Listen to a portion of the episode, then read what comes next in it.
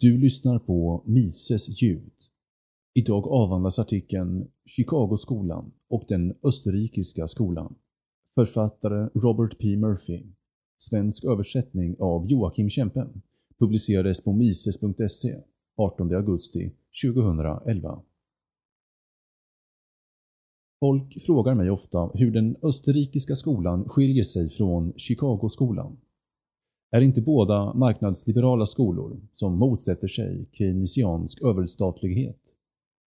I den artikel kommer jag beskriva några av de viktigaste skillnaderna. Även om det är sant att den österrikiska skolan håller med Chicagoskolan i många politiska frågor, skiljer sig deras inställning till den ekonomiska vetenskapen ganska mycket. Det är viktigt att då och då förklara dessa skillnader. Om så bara för att motbevisa den vanliga anklagelsen om att österrikisk ekonomi helt enkelt är en religion som används för att rättfärdiga libertarianism. Låt mig göra några uppenbara initiala påpekanden innan vi börjar. Jag representerar inte alla österrikiska ekonomer och i denna artikel kommer jag att diskutera moderna anhängare av den österrikiska skolan i Ludwig von Mises och Murray Rothbards idétradition, i synnerhet beträffande metodologi skiljer sig österrikarna i det rothbardianska lägret något från det som inspireras mer av Friedrich Hayek och Israel Kirzner. Det är också viktigt att notera att alla ekonomer i Chicagoskolan inte tycker lika. Likväl hoppas jag att följande generaliseringar är representativa.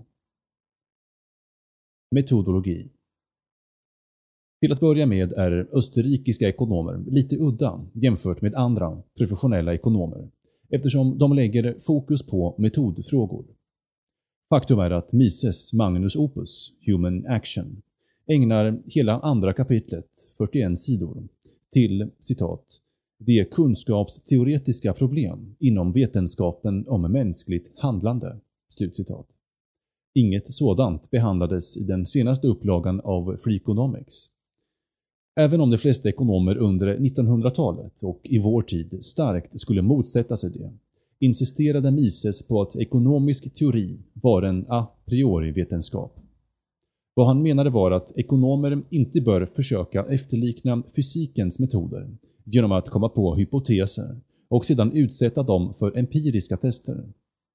Tvärtom menade Mises att kärnan av ekonomisk teori logiskt kunde härledas från axiomet om mänskligt agerande. Det vill säga insikten att andra medvetna varelser existerar som använder sitt förnuft för att uppnå subjektiva mål. I motsats till detta är Chicagoskolans mest inflytelserika artikel om metodologi Milton Friedmans The Methodology of Positive Economics. Citat. Den relevanta frågan att ställa om en teoris antaganden är inte om de är beskrivande, realistiska. Ty det är de aldrig. Utan om de är tillräckligt goda approximationer för ändamålet. Och denna fråga kan endast besvaras genom att se ifall teorin fungerar. Det vill säga om den ger tillräckligt exakta förutsägelser.” Slutcitat. Även om Friedmans analys låter helt rimlig och verkar vara typiskt vetenskaplig, menade Mises att det var en förförisk fälla för ekonomer. För att ge en snabb bild av perspektivskillnaderna kan jag använda ett exempel från min undervisningserfarenhet. Exemplet kommer från en kurs om mikroekonomiska principer och vi använde en utmärkt lärobok författare av Gwartney, Stroop. I det första kapitlet har de en lista med flera riktlinjer, eller principer, för det ekonomiska tänkandet. Som jag minns handlade det om saker som människor svarar på incitament och det finns alltid kompromisser. Dessa var icke-kontroversiella saker som varje ekonom skulle hålla med om var viktiga för att få studenterna att tänka som en ekonom. Dock påstod en princip, som stack ut likt en verkande tand, att en ekonomisk teori måste kunna göra testbara förutsägelser för att vara vetenskaplig. Jag förklarade för klassen att även om detta var en populär uppfattning bland professionella ekonomer var det inte en uppfattning som jag delade. Jag förklarade att inget som vi kan lära oss från Gortneys lärobok skulle ge testbara förutsägelser. Tvärtom skulle jag enbart lära dem ett ramverk som de kunde använda för att tolka världen. Studenterna skulle få bestämma om ramverket var användbart, men i slutändan skulle deras beslut inte bara baseras på frågan gjorde dessa verktyg av tillgång och efterfrågan att jag kunde göra bra förutsägelser. Efter att jag hade förklarat min syn på saken gjorde en av studenterna den utmärkta iakttagelsen att inte en enda av de övriga riktlinjerna var en testbar förutsägelse. Och han hade rätt. Till exempel, hur kan man testa påståendet att människor reagerar på incitament? Jag skulle kunna säga till en person “Jag ger dig 20 kronor om du klipper av stortån”. Oavsett vad som händer är mitt påstående tryggt och säkert. Om personen inte klipper av sig stortån visar det bara att jag inte erbjudit honom en tillräckligt stort incitament. Men detta är inte bara ett filosofiskt spel för gallerierna. Mises betonade att det viktiga för ett sunt ekonomiskt tänkande inte är en samling empiriska påståenden om hur ekonomiska variabler beter sig. Snarare är ekonomisk teori i första hand ett internt enhetligt ramverk för att kunna tolka data. Det är sant att vissa tillämpningar av ekonomisk teori har att göra med historiska bevis. Som till exempel vid undersökningen av huruvida Federal Reserve spelade en viktig roll i att skapa bubblan på bostadsmarknaden. Men detta är långt ifrån hur en typisk mainstream-ekonom motiverar byggandet av matematiska modeller. Konjunkturcykler En annan stor skillnad mellan den österrikiska skolan och Chicago-skolan är dess förklaring till boomen och vad som kan göras vid en recession. Läsarna av denna artikel är säkerligen bekanta med den österrikiska uppfattningen, så jag kommer att fokusera på Chicagoskolan istället.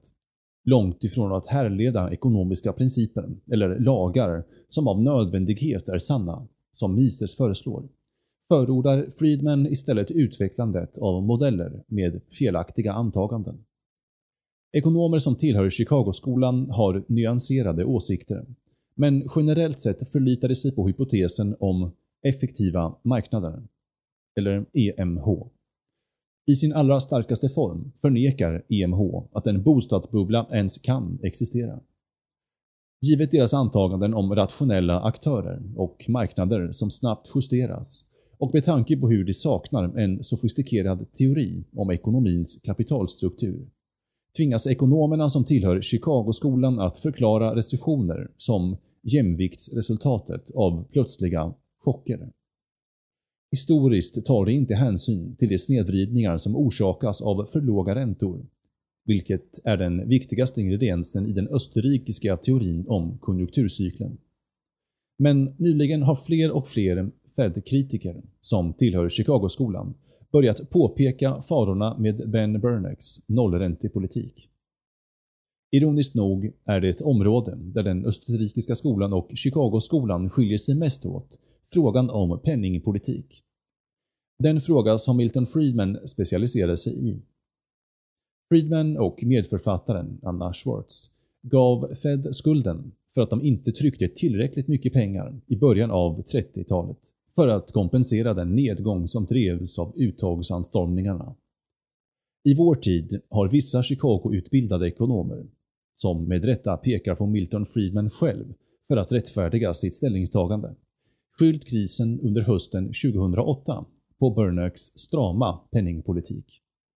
Naturligtvis avskys dessa åsikter av de moderna österrikiska ekonomer som verkar i samma tradition som Murray Rothbard och som menar att centralbanken bör avskaffas.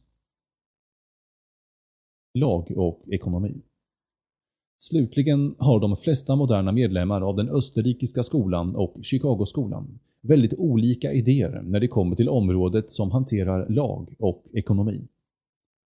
Oavsett om det baseras på naturrätten eller om det traditionella arvet från sedvanerätten, common law, tenderar österrikiska ekonomer att tro att människan objektivt har äganderätt Punkt slut.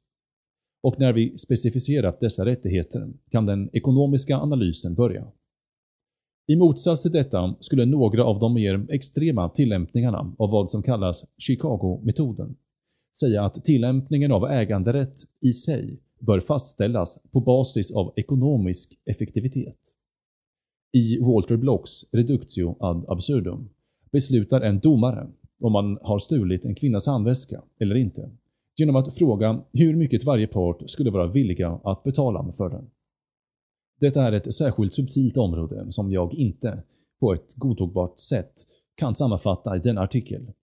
Det räcker att säga att både österrikiska ekonomer och ekonomer som tillhör Chicagoskolan kan uppskatta de fantastiska insikterna och utmaningen av den pygovianska standardkritiken av marknaden som återfinns i en berömd artikel av Ronald Coase.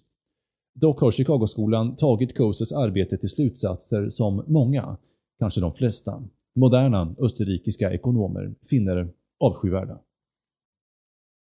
Slutsats Gällande typiska frågor som minimilön, tullar eller statliga stimulansåtgärder kan sannoliken österrikiska ekonomer och ekonomer som tillhör Chicagoskolan buntas ihop som marknadsliberala. Men på många andra områden, särskilt beträffande frågor som rör ren ekonomisk teori, är de två skolorna helt olika. Som österrikisk ekonom vill jag uppmuntra anhängare av den fria marknaden som bara känner till Friedman att lägga till Ludwig von Mises och Murray Rothbard på sin läslista.